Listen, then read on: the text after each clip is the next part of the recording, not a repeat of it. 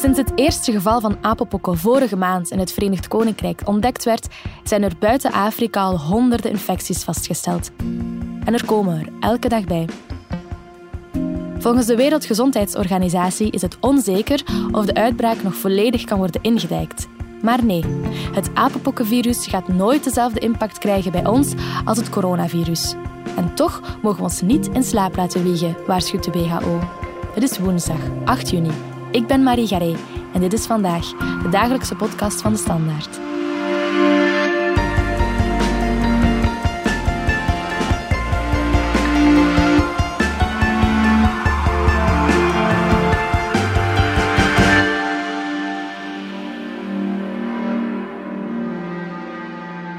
Dag, Maxi Eckert van onze wetenschapsredactie. Ja, als ik heel eerlijk ben, die apenpokken, dat leek niet echt iets om bang van te zijn. Het is niet zo besmettelijk als corona en bovendien is er wel al een vaccin tegen de pokken. Ja, dat klopt, Marie. Um, het is een ander verhaal um, dan SARS-CoV-2. Dat was een nieuw virus voor ons. Um, op het moment dat de uitbraak begon, wisten we daar eigenlijk nog niets over. En er was ook geen enkele vorm van immuniteit aanwezig in de bevolking. Dus nog niemand had die ziekte doorgemaakt. En uh, we hadden ook geen vaccin. Dus bovendien hadden we ook geen enkel idee van hoe verspreidt het virus zich nu precies wel of niet via de lucht. En dat is een ander verhaal dan wat we nu bij de apenpokken zien. De apenpokken het is het eigenlijk vooral een heel belangrijke herinnering aan het feit dat virussen blijven overspringen van dier naar mens. Maar er is nu wel degelijk iets aan de hand, want het is nu voor het eerst dat de apenpokken zich buiten Afrika wijd aan het verspreiden zijn. Dus het is een ziekte die komt voor in Afrika. En er zijn af en toe ook gevallen gemeld buiten Afrika eh, bij reizigers. Maar dat het virus nu echt rondgaat buiten Afrika, dat is een compleet nieuw gegeven. Hoe opvallend is het nu dat het virus in Europa en in de westerse wereld zich verspreidt? Ja, dat is dus iets waar uh, er veel vraagtekens over zijn. Uitbraken in Afrika zijn eigenlijk gekenmerkt door um, het virus springt een keer over van dier naar mens, verspreidt zich, maar op een gegeven moment is dat ook gedaan. En nu hebben we eigenlijk geen idee van hoe komt het dat het virus eigenlijk rond blijft gaan. En gaat dat stoppen? Uh, hoe gaat het stoppen? Daar hebben we op dit moment geen idee van. Nu, het is ook wel opvallend en dat is ook wat Mike Ryan van de Wereldgezondheidsorganisatie heeft gezegd. Er is een heel grote frustratie over het feit dat er jarenlang uitbraken zijn in Afrika. Die worden ook allemaal groter. Maar er is eigenlijk geen aandacht voor geweest. Uh, there are thousands and thousands of cases of monkeypox every year uh, in Africa, and there are deaths every year. Uh, and our concern now is real. We have a concern about uh, this disease spreading in Europe. But I, I, certainly didn't hear that same level of concern uh, over the last five or ten years. En nu zijn de apenpokken in de westerse wereld en is iedereen heel erg bezorgd erover en krijgt die ziekte de aandacht die ze eigenlijk ook verdient. En de vraag die we ons dan ook kunnen stellen, hoe ziek word je van de apenpokken? Want de pokken zelf zijn heel dodelijk. Is dat bij de apenpokken ook zo? Nu, de apenpokken en de pokken uh, zijn uh, verwant aan elkaar. Maar de pokken, en dat mogen we niet vergeten, dat is een zeer dodelijke ziekte. En die is ook uitgeroeid dankzij het pokkenvaccin. En de apenpokken is een ziekte die minder ernstig is. Dus mensen die, die, die de apenpokken hebben, kunnen er nog wel goed ziek van zijn. Met koorts, hoofdpijn, spierpijn, rugpijn. Die typische huiduitslag van die puistjes die blaasjes worden en dan uiteindelijk wel uitdrogen. Nu is het zo dat in de meeste gevallen mensen die ziekte overleven of ervan genezen zonder dat er echt een tussenkomst nodig is of een ziekenhuisopname. Maar af en toe kan er wel een ernstig verloop zijn.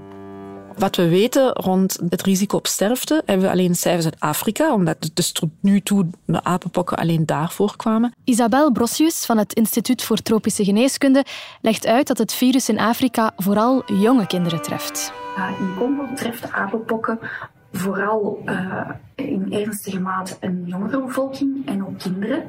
Het gaat om een andere virusstam dan de virusstam die nu circuleert in Europa. Uh, je zal dan ook cijfers vinden van een dodelijkheid tot 10%. Gelukkig is dat bij deze uitbraak niet het geval. Dus het is nu de minder ernstige stam die ook buiten Afrika voorkomt. Maar, heel belangrijk, ik heb het nu over de sterftecijfers zoals we ze kennen uit Afrika. En hoe dat, dat in Europa of in Amerika of in Canada zal zijn, daar moeten we daar is echt nog wel afwachten. Want dat hangt veel af van hoe goed is de gezondheidszorg, hoe goed worden mensen verzorgd eh, die complicaties hebben en ook welke groepen worden er getroffen. Hoe kwetsbaar zijn de mensen die het hebben voor een ernstig verloop? En dat varieert afhankelijk van de leeftijd, afhankelijk van de algemene gezondheidstoestand. Dus hoe dat sterftecijfer bij ons zal uitdraaien, dat moet de tijd nog uitwijzen. Dus er zijn enkel sterfgevallen gemeld in Afrika, maar bij uitbraken in het Westen zijn er nog geen doden gevallen.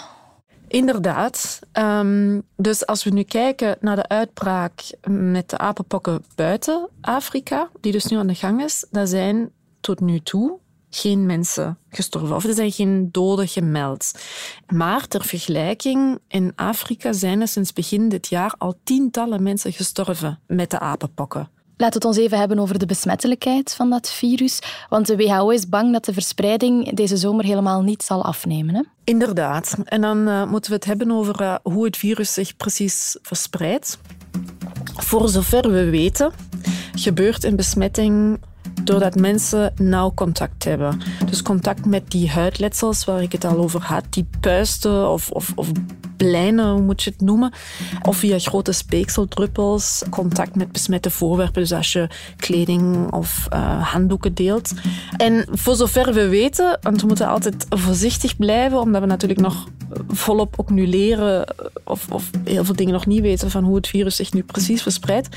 Maar uh, voor zover we weten is het geen echte SOA. Dus we zien wel dat mensen het verspreiden als ze seks hebben met iemand die besmet is. Maar natuurlijk, ja, mensen die seks hebben met elkaar, die hebben heel intens huidcontact. Dus op die manier kan het worden overgedragen. Maar dat wil niet zeggen dat het een specifieke SOA is. En natuurlijk met de zomer en het verschiet, denk aan de festivals waar mensen dicht tegen dicht uh, staan, huidcontact hebben, veel internationaal verkeer ook samenkomen. Dat is natuurlijk wel een risico op verdere verspreiding. En dat is ook precies waar Hans Kloege van de Europese tak van de Wereldgezondheidsorganisatie uh, recent voor waarschuwde. En hij dus ook jonge mensen die seksueel actief zijn en mobiel zijn voor wil waarschuwen. De gevallen die in België werden ontdekt, die konden heel snel teruggebracht worden naar het Darklands Festival in Antwerpen. Dat is een fetishfestival dat populair is bij mannen die seks hebben met mannen. Ja, daar is de eerste cluster gevonden bij ons. Maar dat wil dus niet zeggen dat alleen mannen die seks hebben met mannen de aandoening kunnen krijgen of um, dat je het alleen bij seksueel contact kan krijgen. Ja, ook Tedros Adhanom Ghebreyesus van de WHO zegt dat iedereen het virus kan krijgen. Anyone can be infected with monkeypox if they have close physical contact with someone else who is infected. The situation is evolving, and we expect that more cases will continue to be found ja, als er een, een, een, activiteit is, zoals een festival, waarbij daar veel mensen in wisselende combinaties zeer intens contact hebben met elkaar, ja, dan is dat natuurlijk wel de ideale voedingsbodem voor zo'n virus om zich snel te verspreiden. Maar dat wil dus niet zeggen dat andere mensen, ik zeg maar iets, vrouwen of mannen die geen seks hebben met mannen, moeten denken dat ze het niet kunnen krijgen. We komen zo bij u terug, maar we willen eerst even iets anders kwijt. Beste mensen. Dit is Harry van der Pas. Een van de personages uit de nieuwe podcast Zaad zonder naam. Zaad zonder naam, zonder zaad. Een podcast over de geschiedenis van de spermabank in België. Zonder naam het krijgen van kinderen was zo ondenkbaar dat het enige dat daar ooit over gezegd werd was toch wel spijtig dat jullie geen kinderen kunnen krijgen. Een donor is iemand die vrijwillig zijn sperma afgeeft. Hè. Kan je daar meer over vertellen. Zij willen allemaal wel zaad doneren, maar wel onder absolute geheimhouding. Zaad zonder naam. Omdat niemand de titel wil krijgen ik ben vader van duizend zonen. Een donor kent. Een kind dat verwekt is door een donor, zeker? Iemand die verwekt werd met gameten van een volwassene die het niet zal grootbrengen. Maar sommigen noemen dat koekskinderen.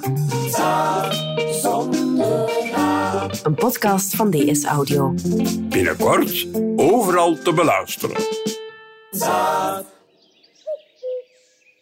Kan je even uitleggen wat een besmet persoon dan precies moet doen? We moeten niet met z'n allen terug mondmaskers dragen, Maxi. Dat is niet nodig bij apenpokken. Maar wie het virus heeft, moet, net als bij corona, wel in isolatie. Personen die besmet zijn, die moeten zich isoleren. Ook van hun huisgenoten. We moeten nu niet met z'n allen mondmaskers dragen om de apenpokken in te dijken. Maar mensen die besmet zijn, dragen best wel een mondmasker, ook als ze een eigen huis zijn en ze huisgenoten hebben. Denk aan die grote speekseldruppels. En als je besmet bent, moet je ook, als je dus in isolatie bent thuis en je hebt huisgenoten, kledij dragen, bijvoorbeeld met lange mouwen of met lange benen, die die huidletsels bedekken, zodat je niet per ongeluk iemand anders kan besmetten. En die isolatie duurt tot die huidletsels opgedroogd en genezen zijn. En dat duurt ongeveer 21 dagen. Ik wil nog één ding zeggen over de besmettelijkheid, want dat is wel echt heel belangrijk wat die apenpokken betreft. Zoals het er nu uitziet, zijn de apenpokken alleen besmettelijk als iemand symptomen heeft. En dat is een heel belangrijk verschil met SARS-CoV-2. Dus het feit dat corona een pandemie kon worden, is te wijten aan het feit dat mensen besmettelijk zijn voordat je iets aan hen ziet of ze zelf iets voelen. En dat is dus een belangrijk verschil met de apenpokken. Dat wil wel zeggen dat zodra je iets opmerkt van huidletsels of koorts, zeker als je weet dat je contact hebt gehad met iemand die de apenpokken heeft en waarbij dat bevestigd is en je merkt iets op van spierpijn, hoofdpijn, je voelt je niet goed, moet je heel alert zijn, want vanaf dan ben je wel zelf besmettelijk. Dat is inderdaad een heel groot verschil met corona of met de wereld die we twee jaar gekend hebben. Maar wat ik wel ook opmerkelijk vond bij deze apenpokken is dat wie besmet is ook contact met huisdieren moet vermijden. Ja, dus de apenpokken zijn een ziekte die ook weer is overgesprongen van dier naar mens. En dat houdt ook in dat het virus ook kan terugspringen. Dus als je een huisdier hebt, dat je je huisdier besmet en je huisdier dan weer je huisgenoten besmet. En dat is ook de vrees die onderzoekers hebben, dat het virus het potentieel heeft om zich op die manier ook buiten Afrika te nestelen. Dus als het virus, het apenpokkenvirus, hier een dierlijk reservoir vindt, kunnen we nog zoveel doen om het virus in te dijken tussen mensen, dan kan het altijd wel weer overspringen van dier naar mens.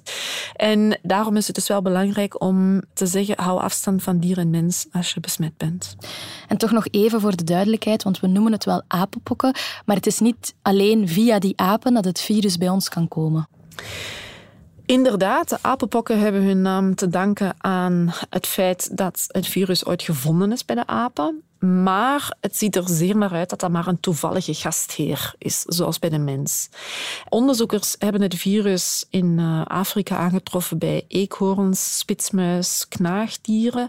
Dus het is zeer waarschijnlijk dat het virus daar echt duurzaam aanwezig is, in die dieren. En dan ja, altijd wel weer overspringt op andere dieren of op de mens. En ik sprak er met uh, Sophie Grijseels over. Dat is een uh, onderzoekster van de Universiteit Antwerpen. En die zei me dat we al lang weten, decennia eigenlijk al weten, dat Cavia's bijvoorbeeld niet zo vatbaar zouden zijn voor apenpokken, maar konijnen heel sterk. Dus in theorie zou het als volgt kunnen gaan. Mensen die konijnen houden en die konijnen die dan ook in de tuin komen, die kunnen besmet geraken via hun uh, baasjes, om het zo maar te zeggen. En in de tuin komen ze misschien in contact met wilde konijnen en verspreidt het virus zich op die manier in ons land. En hoe komt het dat specifiek knaagdieren dan zo vatbaar zijn? Ja, dat is interessant in de zin van als we kijken naar al die dieren die virus huisvesten, dus ze gastheer zijn van virussen, dan zijn het altijd wel weer de vleermuizen en de knaagdieren die in het vizier komen. En dat heeft ermee te maken, waarschijnlijk, dat er gewoon heel veel soorten vleermuizen zijn en knaagdieren. Dus vleermuizen en knaagdieren samen zijn al goed voor ongeveer de helft van alle soorten zoogdieren. Dus er zijn heel veel soorten. En als dan een virus aanwezig is in, in zo'n soort, kan het virus zich aanpassen aan zijn gastheer. En als er nu eenmaal veel soorten knaagdieren en veel soorten vleermuizen zijn, dan zijn in die groep ook heel veel verschillende virussen aanwezig. En is de kans groot dat er eentje tussen zit die ook de mens kan infecteren. Daarbij komt dat het ook nog eens bij uitstek dieren zijn die in groepen met een hoge dichtheid bij elkaar leven. Dus het virus heeft er ook de kans om te circuleren. Dat is natuurlijk iets anders dan stel dat je een groot zoogdier hebt dat vooral alleen leeft, ja, als dat besmet geraakt met een virus, kan het niet rondgaan in een heel roedel, om het zo maar te zeggen. Dus, en zijn die eigenschappen die samenkomen bij de vleermuizen en knaagdieren, omdat die ook altijd weer opnieuw in het vizier komen als het gaat over zoonozen, dus ziekten die van dier naar mens kunnen overspringen. Oké. Corona dat kwam uit Azië, dat weten we. Maar dit virus komt net als ebola en HIV uit Afrika. Weten we waarom dat precies in Afrika is ontstaan? Ja, ook dat heeft weer te maken met die grote rijkdom aan diersoorten. En in de tropen is er een grote rijkdom aan diersoorten, meer dan elders. Als je dat vergelijkt met onze omgeving, dan zitten we hier in België of in Europa met veel minder soorten die in het wild voorkomen.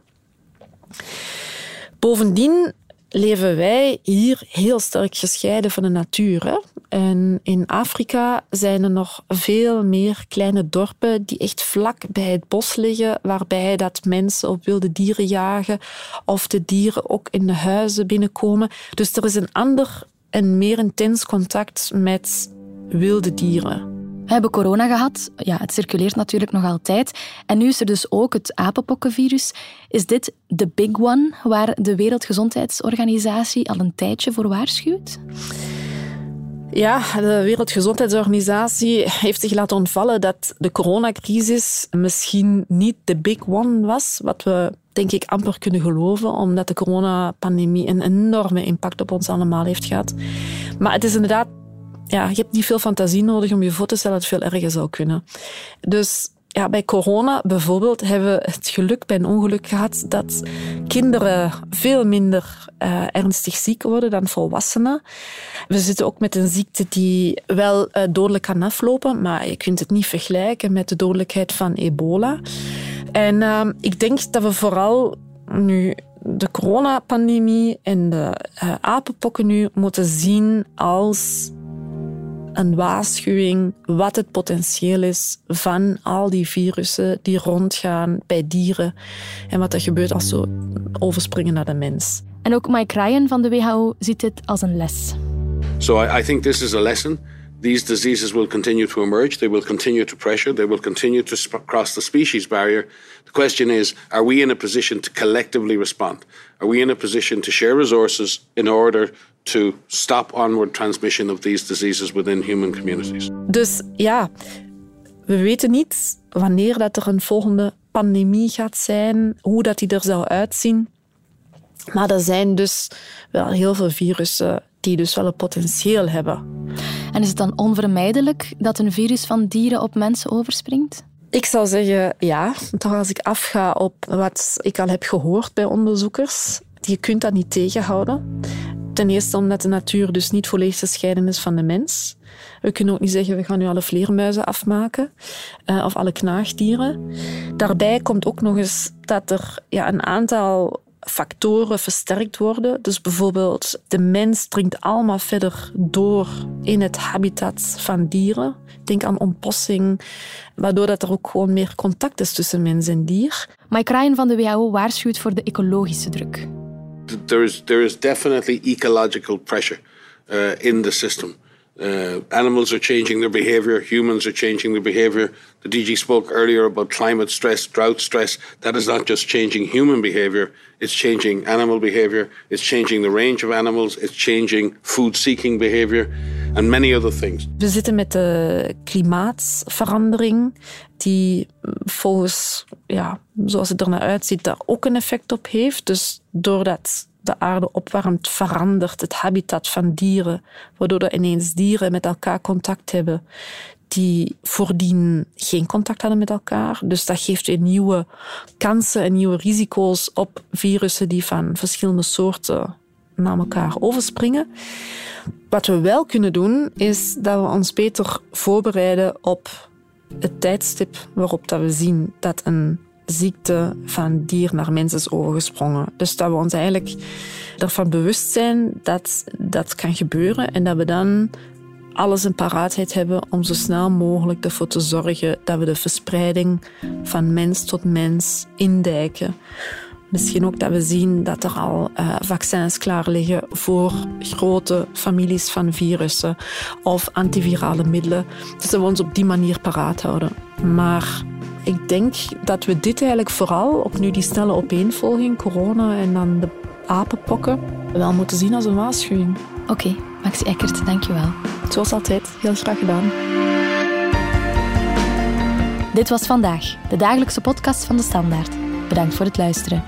Alle credits van de podcast die je net hoorde vind je op standaard.be podcast. Reageren kan via podcast.standaard.be. Morgen zijn we opnieuw.